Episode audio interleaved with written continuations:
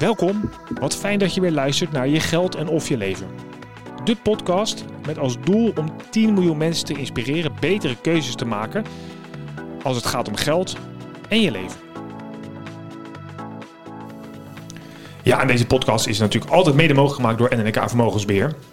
En vandaag, ja, ik heb er onwijs veel zin in, want ik zit tegenover een mega energiek en inspirerend persoon nu al. En we zijn nog niet eens begonnen. Tegenover mij zit Melvin Redeker. Hij is avonturier, bergbeklimmer, diepzeeduiker, uh, doet expedities. Ik zit hier bij hem in zijn, ja, wat is het eigenlijk, een soort schuur? Nou, studio. Stu nu in je studio, maar dit is onderdeel van een enorme schuur met een rib aan de voorkant. Dus een boot waar u tegen zegt, waar de reddingsbrigade een puntje uit kan zuigen. Misschien komen we er nog over te spreken. Fijn dat ik hier mag zijn. En uh, ja, we hebben al een beetje ervoor bespreken. Het is misschien toch heel even aardig mensen die jou niet kennen. Want je doet wel heel veel presentaties voor het bedrijfsleven. Maar jij bent avonturier, zo omschrijf je jezelf. Ja. Uh, hoe ben je avonturier geworden? Misschien uh, daar eens mee beginnen. Ja, nee, tuurlijk. Dat is leuk. Uh, ja, mijn ouders gingen ooit op vakantie naar het strand. En toen was ik een jaar of 10, 12 en kregen het in een bol. Op een gegeven moment dachten ze misschien van... Ah, Melvin, die wordt tijd, die wil naar de disco toe. Misschien moeten we dat nog maar eventjes een paar jaar opschuiven. Dus we, laten we gaan bergwandelen. Oh. En ze hadden nog nooit gewandeld in de bergen. Dus uh, ik, met de gedachte, dacht ik al, nou, het worden rampzalige vakanties natuurlijk. Dat werden het ook, want ik vond het echt helemaal niks. Dus, maar mijn ouders zagen wel die twinkeling in mijn ogen als ik dan die klimmers zag met al die rugzakken en al die spullen. En, dus ja, dus mocht ik van mijn ouders een, kreeg een cursus bergbeklimmen cadeau. Toen was ik 14 jaar oud. Ja, en dat is gewoon zo gaaf. Hè? Dus dat echt daar waar het pad stopt en waar daar begint het avontuur. Hè? Dus dat is voor mij ook altijd de insteek geweest van bergbeklimmen. De ongepaden, ongebaande paden verkennen. Hè? Dus liefst nieuwe routes ex exploreren, pionieren. Dat is voor mij het avontuur. Nou, en dat doe je en dan heb je dus, als ik een hele flauwe metafoor mag gebruiken, diepe dalen en hoge pieken mee bereikt. Want je bent ook namelijk diepzeeduiker. 60 meter diepte vertelde je me net in de Noors Fjord onder een slag met slip waar je uh, uh, nou nog je vinger en uh, afstand voor je ogen niet eens ziet. Dus van alles nog wat doe je? Ja, ja klopt. Leuk. Ja. Waarom? want dat lijkt me twee extreme. Ik bedoel, het zijn twee extreme. Is dat, zit dat een beetje in je, die extreme opzoeken? Nou, ik, ik kijk, wat is voor mij interessant om maar ergens een expeditie te ondernemen. Hè? Dus dat is, kijk, als ik kijk zeg maar, naar de wereld, dan zeg ik nou 70% van het oppervlak van de aarde is zee.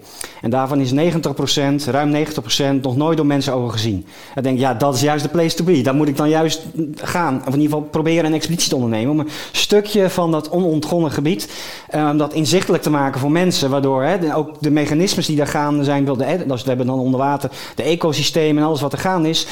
En die kennis neem ik mee naar boven en dat deel ik dan weer. Ja, zodat wij hier op het land gewoon betere beslissingen kunnen nemen over, over alles wat we doen.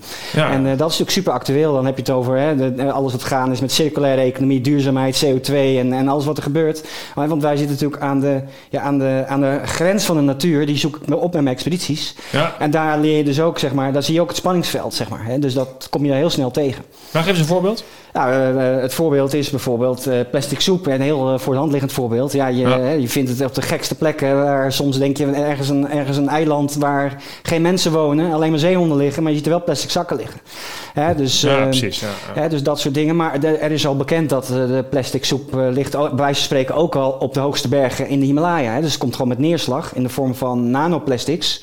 daalt dat gewoon neer. Hè, net zoals dat we zandstormen vanuit de Sahara wordt dat meegenomen naar Europa. Zo, dat gebeurt ook al met uh, plastic. Ja, dat soort dingen. Dus uh, dat, uh, ja, dat, dat maakt mij, daar, daar schrik ik wel een beetje van. Dus, nou, dus ook een stuk bewustwording die je daarmee ja, teweeg kan brengen. Precies, en vooral ook de mechanismen. Hè? Dus de wisselwerking tussen mensen denken vaak, ja, maar wat ik doe, heb ik daar toch geen invloed op. Nou ja, dat laat ik dan zien hoe dat dan in elkaar zit en hoe, hoe die verbanden werken. Ja, en doordat je die expedities doet, ja, word je zeg maar, hè, sta je ja, vooraan zeg maar, aan, aan, zeg maar, aan klimaatverandering en dergelijke. Je ziet het gewoon onder die handen gebeuren. Ook, ook met bergbeklimmen. Hè? Dus de eerste cursussen waar ik als, als tiener mijn, uh, ja, heb geleerd om op stijgijzers te lopen. Ja, die gletsjers die zijn er niet meer.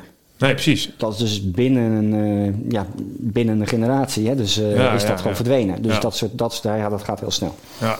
Ja, nou ja, deze aflevering staat ook een beetje in teken van een soort doelen bereiken en omgaan met uh, nou, veranderingen. En we wilden het ook een beetje hebben over angst en zo. Want ja. dat speelt nogal. Hè. We zitten, als we dit opnemen, is net weer de uh, lockdown afgekondigd. Dus we zitten weer met z'n nou ja, met z'n vieren met kerst geloof ik, dat mag dan nog. Maar Ja, dat werk.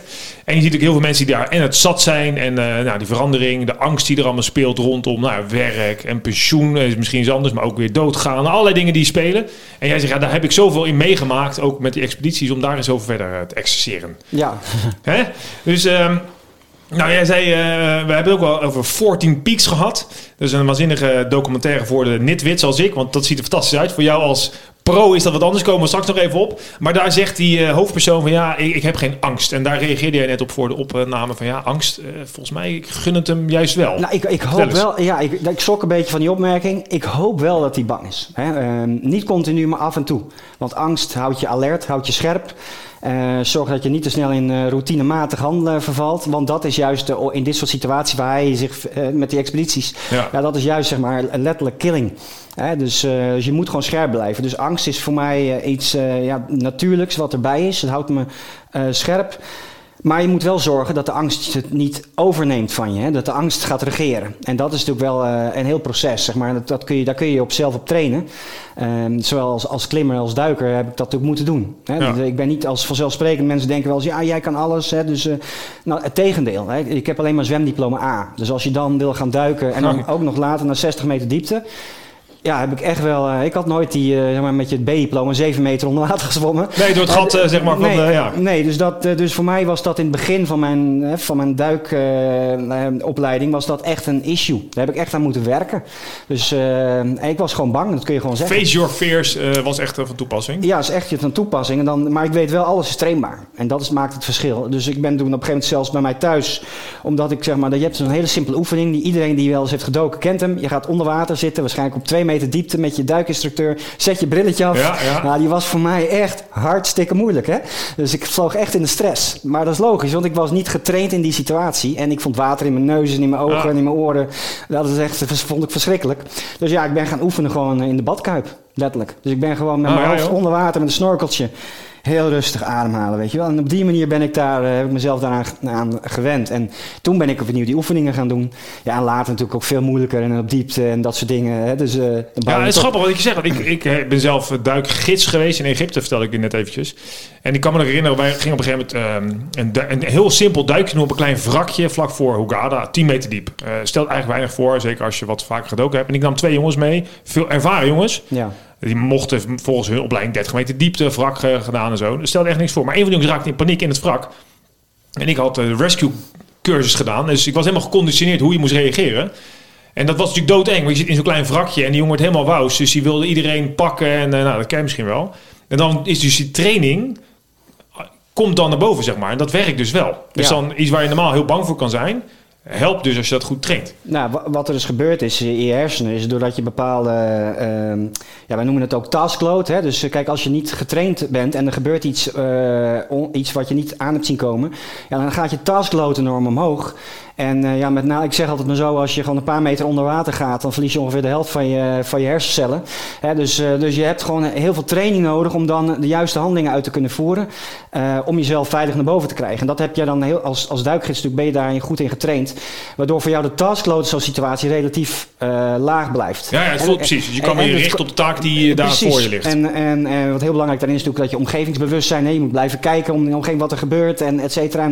En, en, je cursisten of je, waar je dan leiding aan geeft, dat is natuurlijk enorm belangrijk. En dat is ook hoe wij natuurlijk in hetzelfde in de bergen of eh, als we diep duiken naar 60 meter diepte, hetzelfde mechanisme. En, en, en die angst.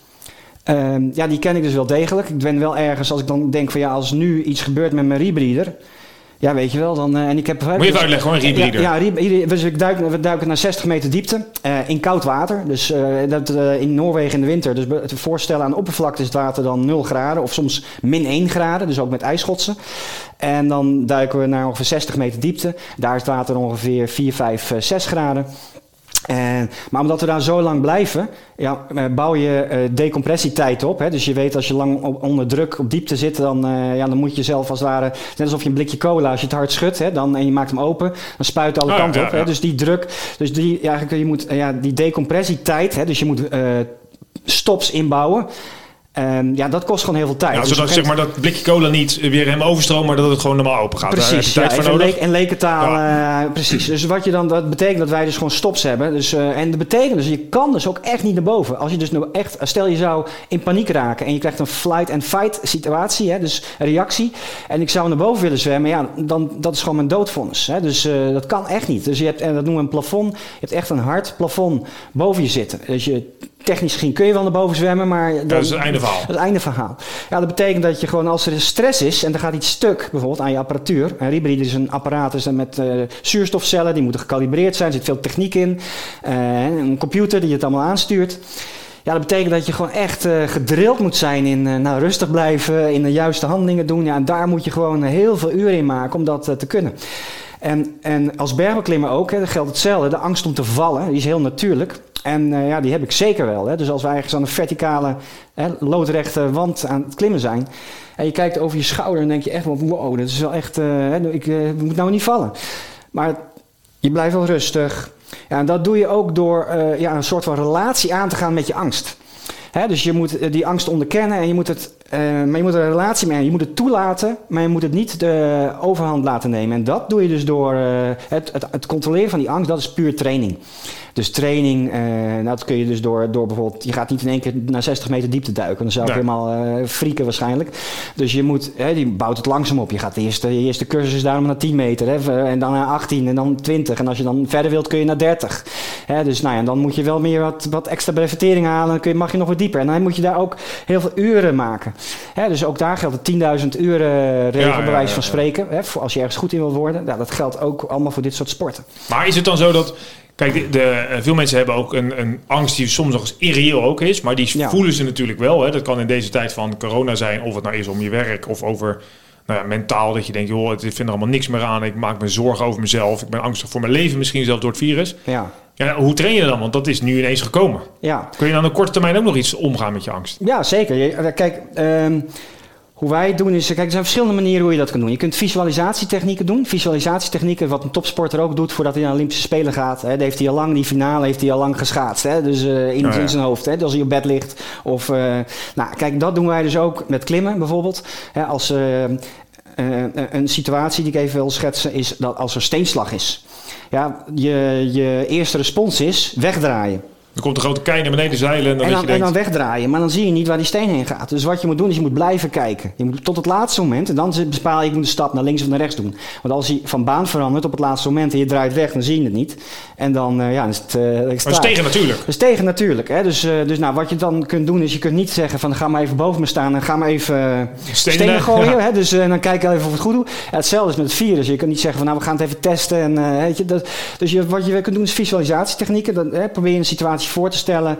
Ehm, en wat is dan de ideale reactie in die situatie. En dat kun je dus op die manier kun je dat dus wel eh, door visualisatietechniek kun je, dat gaan, kun je dat gaan trainen. En op dat moment wat er gebeurd is, hè, als ik dan mezelf train dat ik moet blijven kijken naar die steen, of als je traint van ja, weet je, dat virus, dat is er nu wel. Ja, dat virus gaat ook niet meer weg. Weet je wel? Dus het heeft geen zin om daarover in paniek te blijven of bang te zijn, want dan ben je de rest van je leven bang. Dus eh, om rustig te blijven, dan eh, kun je kijken wat is de meest ideale reactie in een bepaalde situatie. Is dat ook wat je bedoelt met een relatie aangaan met je angst? Dus accepteren dat het virus er blijft. Accepteren dat je op grote hoogte en grote diepte minder zuurstof hebt. Dat je die angst, dat je die denkt, nou ja, ik, het is gewoon zo. Ja, en, Is- en is ook de, gevo- gevolgen daarvan. Hè? Dus eh, eh, kijk, je kunt ziek worden als je het virus hebt. En voor een heel veel mensen is het, laten we zeggen, heel mild. Maar voor een paar mensen is het gewoon heel vervelend. En die kunnen er ook aan doodgaan. Ja, weet je, dus de eerste stuk dat je kunt gaan denken, hoe groot is de kans? Dus zelfs als ik op een berg sta, denk ik ook van, ja, hoe groot is de kans? Hè? Dus wij hebben ook beslismodellen eh, voor lawinegevaar. Dus een van de engste dingen voor mij als, als bergbeklimmer is lawinegevaar. Omdat als je over een sneeuwhelling loopt, ja, en als die sneeuwhelling niet stabiel is, hè, dus dat is een... eh, dat zo'n sneeuwhelling echt, eh, wat je doet als je over een sneeuwhelling loopt, dat je hem eigenlijk doorzaagt door je eigen voetstappen erin Ja, te zetten. ja, ja, ja. En daardoor zeg maar, het evenwicht in die sneeuwhelling verstoort. En daardoor ja, breekt hij zeg maar, in duizend stukken uiteen. En dan komt er gewoon 10 ton sneeuw naar beneden. En is het weg met Melvin. Ja, dus ja, dus wat je dan op een gegeven moment moet doen. Oké, maar Ik heb heel veel geleerd. Ik heb dus de kennis. Ik heb hier, hè, dus eh, je hebt beslismodellen. Daar kun je dan op terugvallen. en eh, ja, en, eh, en daar, daar moet je dan op vertrouwen. Maar dan, dan val je dus, dat is dus de ratio. Ja, dat is zeker je, ja, ratio. weet je, als ik A doe, dan moet ik B doen. En als de kans heel groot is dat het B wordt, wil ik het niet doen, dan ga ik naar C. Ja. Maar dan zit je wel, dan weet je dus wel die angst zeg maar, te, om te zetten in logica meer, als ik zo mag uitdrukken. Klopt. Ja, dat is heel erg. En training. En Dat is echt doe je, en, en dat doe je door training. En, eh, kijk, en, en, in- daar kun je natuurlijk ook hulp bij zoeken. Als mensen bijvoorbeeld, hebben, eh, bijvoorbeeld, je hebt heel veel heel mooie heel veel fortuin opgebouwd. En je bent heel, hebt angst om dat kwijt te raken. En waardoor je je enorm laat beperken in je leven. Waardoor je jezelf hè, dingen eigenlijk niet meer gunt. Omdat je gewoon bang bent. Hè, als ondernemer bijvoorbeeld. Ja, dan zou ik zeggen van, als je dat zelf hebt, probeer je visualisatietechnieken van, je komt voor een bepaalde beslissing te staan. Wat zou nou de meest ideale beslissing zijn? Dat je dan in je bed ligt. Dus nee, maar normaal zou ik dit doen, want ik ben bang. Nee, maar als je nou het andere zou doen. Dus nou, op dat moment ben je eigenlijk al die verbinding in je hersenen aan het maken. Waardoor als je dan een keer voor zo'n situatie komt te staan, dat je mogelijk anders gaat reageren. Maar je kan natuurlijk ook eh, hulp vragen van een eh, psycholoog of een coach. Hè? Dus eh, misschien niet de psycholoog meteen, maar een coach die je daarin kan begeleiden. Ja, ja, die de Dus, spiegel voorhoudt en die... Precies. Ja. En die je begeleidt in dat proces en ook inzichtelijk ma- maakt van wat zijn jouw beperkende gedachten. Want daar hebben we het over met angst. Hè? Dus angst levert beperkende gedachten op. En dat is vaak het punt. Mensen, eh, helemaal in het bedrijfsleven is vaak niet dat mensen zeggen: oh, ik ben ergens bang voor. Nee, het komt eh, in een argument. Nee, maar ik denk dat dit systeem wat we nu doen, hè, dat moeten we gewoon in stand houden. Want hè, dus ook dat, dat zit, die angst zit verborgen in allerlei andere argumenten. En daar moet je als, met name als leidinggevende natuurlijk ook op een gegeven moment eh, doorheen zien te hè, lezen, zeg maar, van oké, wat is hier nou gaande? En dan kun je daar je leiderschapsstijl op, op aanpassen. Ja, ja. Hè, dus, Nou ja, dat is wel logisch, want de mens heeft als natuur, denk ik, natuurlijk om pijn te vermijden. En angst is waarschijnlijk een vorm van, oh, ik ben bang dat ik pijn ga lijden. Of het nou inderdaad fysiek of cognitief of op wat voor manier dan ook is. Dus daar wil je vanaf blijven. Ja. Dus ga je dat voor jezelf goed praten, waarschijnlijk. Eh, van, nou ja, dat moet ik niet doen, want dan en dan. Maar in de basis is dat de angst op de achtergrond die spreekt. Ja, en als je dan de mensen om je heen hebt verzameld die eh, ja, je allemaal naar de mond praten, omdat er bijvoorbeeld niet de cultuur is dat zij jou kunnen challengen, eh, ja, dan, dan wordt het ook bevestigd. En dan Maar hoe is dat trouwens op die berg dan? Want we, eh, we, we gaan, eh, en, trouwens misschien leuk om niet te melden, we maken nog even een bonusaflevering over 14 Peaks. Dus we gaan niet te veel bij stilstaan. Maar wel, als je natuurlijk een hoge berg gaat beklimmen in nou, Himalaya bijvoorbeeld, dan heb je natuurlijk te maken met Sherpa's. Ja, En wat ik het altijd heb begrepen, je hebt een verschil tussen een gids en een Sherpa. Een gids loopt voorop en die volg je. Een Sherpa loopt achter je aan en helpt je waar jij eh, hulp nodig hebt. Ik weet niet of het zo is, maar het komt mij over als zij, dat zij wat gedienstiger zijn dan misschien de mondige Westeling. Hoe ga je dan op zo'n berg om? Durven zij jou daar wel te challengen van Melvin niet doen, want... nou, ik, kijk, het, het soort expedities dat ik onderneem, maken wij niet op die manier gebruik van Sherpa's. Dat is een keuze die we al in Nederland maken, zeg maar, bij de, hè, als je zeg maar, eh, eh, de, de, de, de, het plan maakt voor de expeditie. Ehm, dus dat is een keuze. Kijk, de, de commerciële expedities naar de 8000ers toe, ehm, ja, die, maken, die zijn allemaal compleet afhankelijk van Sherpa's. En eh, die Sherpa's die zijn dus degene die de kamp opzetten. Dat zijn degene die de route beveiligen, hè, die daar de touwen aanleggen. Die soms ook nog de rugzak dragen van Ja, hun cliënt. Eh, krijgen niet altijd daarvoor de erkenning, maar omdat ze ook vaker naar boven gaan dan die cliënt, lopen ze ook meer risico. En, eh, ja, en, en die zijn natuurlijk ook afhankelijk van een salaris van diezelfde Ja, zeggen, werkgever, om maar zo te zeggen. dus dus die- dat is die- altijd een hele lastige Die situatie. praten makkelijker mee dan misschien dat ze... Nou, dat, ik weet dat niet eh, op dat moment, omdat ik zelf niet in die situatie Nee, ben nee. geweest. Ik vind gewoon zelf, dat, maar dat is in bergsport ethiek ook enorm belangrijk. En dit zijn commerciële expedities. En wij ondernemen ander soort expedities. We nemen wel Sherpa's mee, maar die gaan niet verder dan het basiskamp. En vanaf het basiskamp doen we alles zelf. Dus wij lopen de risico's. En de Sherpa's tot het basiskamp is gewoon geen probleem. Hè. Dat is altijd gewoon eh, oké terrein waar je... Ja, dan, Daar kan ik ook nog heen. Ja, precies. Hè. Dus eh, dat is geen, geen gletsjers met, eh, met lawines en dat soort dingen. Nee. Hè, dus dat is, een, dat is een keuze en wij doen het dus helemaal zelf. En dat, is een, ja, dat heeft natuurlijk te maken dan met de- welke strategie kies je en ook hoe sterk ben je. Hè, dus, en en ja, zeg maar, niet alleen de top telt, maar vooral ook de manier waarop je de top bereikt, die is voor ons net zo belangrijk. Terwijl op de Mount Everest, ja, is toch wel een beetje Ja, ik heb hem aangetikt, toch? alleen de top telt. Dus, eh, en Ja. de, de, de stijl is ondergeschikt geworden. Nou, dat is ook wel aardig, want ik heb En- vorig jaar een keer een podcast opgenomen met iemand die over geluksbeleving sprak. En die zei, toen was het net nadat die foto trouwens die je gemaakt is door die kerel van 14 Peaks, dat die file staat op de Mount Ja, Everest. ja, En Ja, dat is eigenlijk best wel bizar. Dus dat, inderdaad, mensen moeten die top aantikken. Terwijl eh, een stukje verderop heb je een berg die is dan net iets lager. Maar daar staat helemaal geen hond, want dat is niet de Mount Everest. Nou, precies. Kijk, en dat is nou. Maar het, de, als je het hebt over de ervaring, hè, dus ook de emotionele ervaring als, als bergbeklimmer, is als je op de hoogste top staat eh, van een berg in waar alle toppen om je heen zijn lager, dan hoef je niet naar de Mount Everest om die ervaring te hebben. Je kan ook zeg maar eh, naar eh, een berg aan de Piz Bernina of eh, de Gran Paradiso in de Alpen. En dan sta je op dat moment op een top die de hoogste is van de omgeving. En heb je een vergelijkbare ervaring eigenlijk. En dan sta je niet in de file. Dus, eh, ja. dus dat is, eh, je kunt zelfs een totaal onbeduidende top uitkiezen ergens in Oostenrijk. Eh, als je weet dat alle toppen eromheen ietsje lager zijn. Kouberg in Nederland. Nou ja, nou, dat is natuurlijk weer het andere uitstel. Oh. dat moet wel een beetje uitdaging zijn. precies. maar eh, maar dat, dat is dus. Maar goed, dit is natuurlijk. eh, ja, weet je, dat is. Mount Everest is ook ja, een soort van symbool eh, geworden. Voor, ja, het is natuurlijk de hoogste. Een hele makkelijke metafoor. Dus ja, dus die is ook gewoon. maar ik vind het wel leuk om even terug te gaan naar die angst. Ja. En, en ook die, die veerkracht. Hè? Dus van als je dan bang bent, want zie je iets ehm, wat op jou weg komt, zie je het als een bedreiging of zie je het als een uitdaging? Hè? Dus, en dat geldt nu ook voor het virus waar wij eh, nu mee te maken hebben. Jij begon daar zelf over, het COVID, hè? dus gebeuren. Mhm. Ja, dus eh, ja, ik werk voor een deel in de event-industrie. dus daar heb ik een deel. eh, waar we staan ook. We hebben ook een theatershow gehad, zeg ik erbij. Ja, ja. Dus, helaas moet ik zeggen gehad. Hè, dus die hebben we gewoon op een gegeven moment eerlijk gezegd van ja. hiervoor is het een bedreiging, hè, want wij zijn gebonden aan theaters. En je hele businessmodel, zeg maar, omdat er gewoon door minder, minder bezoekers, minder bezetting van de zaal, het hele businessmodel valt weg. Dus daar hebben wij gewoon gezegd, daar trek ik de stekker eruit. eh, voordat het te laat is, om maar zo te Ja, zeggen. ja, precies. Dus op dat punt, dat is gewoon een, een, een rationele beslissing. Maar eh, voor het spreken ik ook gezegd van ja, weet je, we gaan gewoon eh, die uitdaging aan. En ik had dat me nog nooit voor een camera een presentatie gegeven. En we gaan gewoon die eh, greenscreen studio eh, bellen, zit- ik zit ernaast, bouwen. zeker, ja. we hebben, en we gaan, gewoon, we gaan het gewoon proberen. We gaan ermee aan de slag. En maar dat is dat dan, dan, heb je dat, die mentaliteit of die instelling, is dat door jouw avonturen gekomen? Nou ja, denk het wel. Ja. Dat je hebt geleerd om te denken in oplossingen. En niet te denken in, in beren op de weg.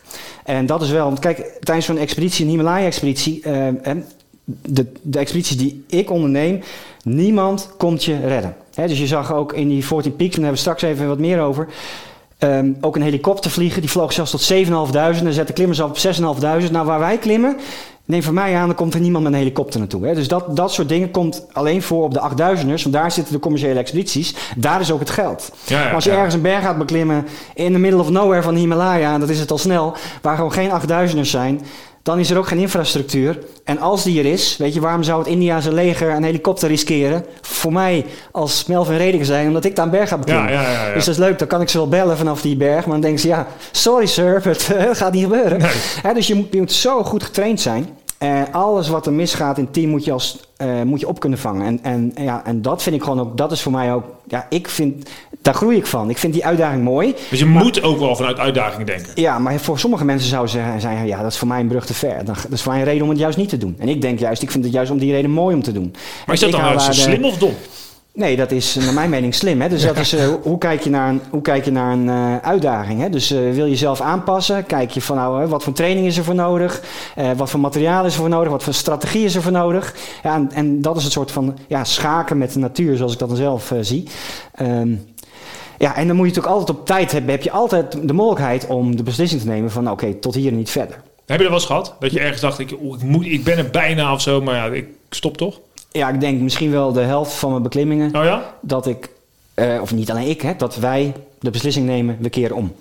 En eh, dat is ook heel gezond. Dus dat is ook altijd, is altijd de weg terug. Hè. Dus, ehm, Nou, dat zeg je wel, maar voor mij is het helemaal niet zo gezond. Want als je ziet hoeveel mensen bij een super slechte film blijven zitten, omdat ik heb al betaald.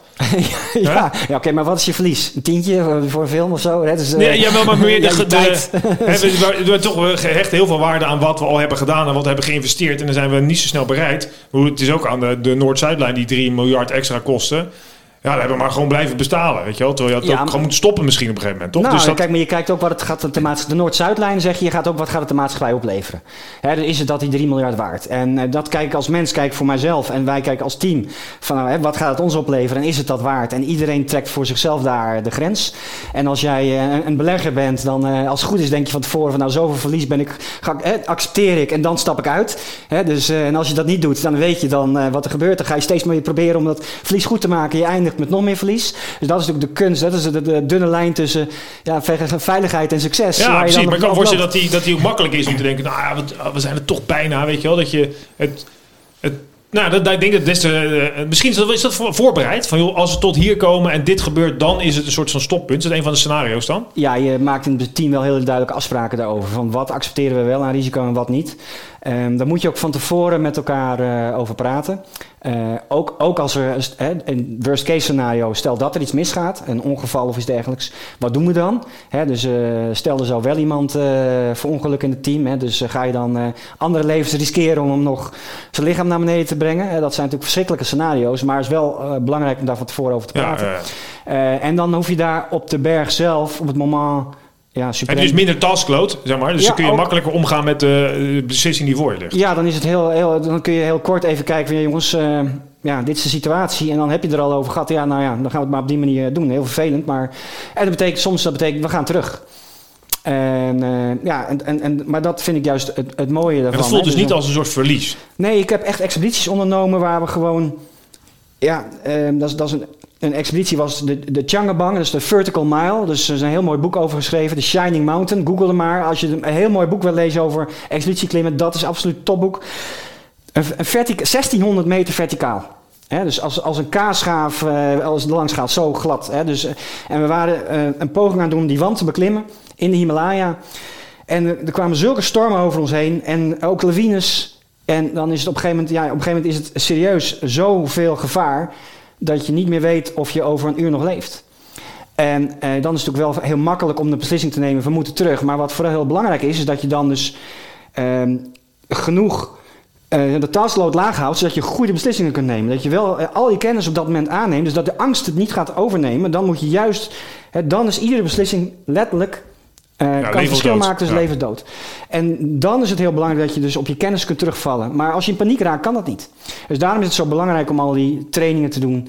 En, eh, en, eh, ja, en, en ook gewoon, dat noemen ze metacognition. Hè? Dus dat je ook op een gegeven moment in staat bent om te zien of jouw reactie in een bepaalde situatie, of dat wel de meest effectieve reactie is. Hè, dus eh, nou, in het geval van het virus eh, kun je jezelf opsluiten ergens eh, zeg maar op je slaapkamer en denken van, Mhm. nou dan kan ik in ieder geval niks krijgen.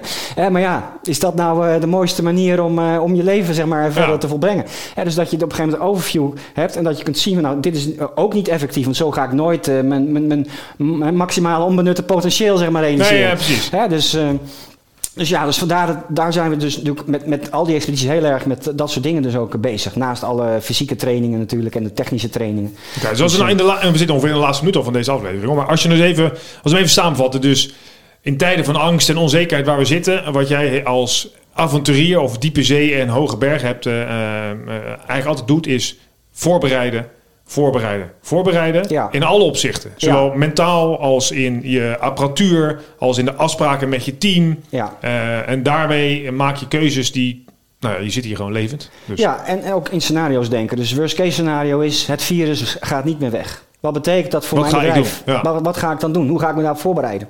Ja. En niet afwachten op eh, de maatregelen. Ja, precies. Je Ja. draait hem weg. Dus- Nee, ik draai hem niet Ja, weg. Ik zet, alleen, ik zet een muziekje aan als het goed is, horen mensen. Dus, muziekje eh, op de achtergrond, die jij niet, maar ja. dus, eh, Alright. Als mensen je nou willen boeken als spreker, waar, eh, hebben ze, heb je een website? ja hoor. Nou, ik zet hem in de show notes. of bel 06 2202 7021. Oké, kan gewoon boeken. Ik zit hier in een fantastische webinar studio. Dus als het live mag, zeker live doen. Dat lijkt me nog veel impactvoller. Maar je hebt ook een hele gave studio waar je echt met gave beelden ook een waanzinnige presentatie kan geven voor, voor mensen die hier gewoon thuis zitten te kijken. Ja. Onwijs bedankt dat ik hier mocht zijn. We gaan zo meteen hierna een bonusaflevering over 14 Peaks en het klimmen, wat het nou eigenlijk inhoudt, eh, opnemen. Dus die komt zo meteen ook eh, binnenkort online. Dus lu- luister die vooral terug. Voor nu, Melvin, onwijs bedankt. Graag gedaan. Dank voor de uitnodiging. Ja, super gaaf. En eh, jij bedankt voor het luisteren. Ik wil 10 miljoen mensen bereiken betere keuzes te maken. Dus dat helpt. Dus als jij deze podcast waardeert, dat mag tegenwoordig ook op Spotify. Vijf sterren is natuurlijk het mooiste. Maar kan ook op Apple en eh, delen. Alles is eh, welkom. Onwijs bedankt. Meer informatie, michielvanvugt.com, VUGT. En eh, voor nu, hele fijne, wat is het, ochtend, middag, avond, ik weet niet. Wanneer jij luistert. Tot ziens.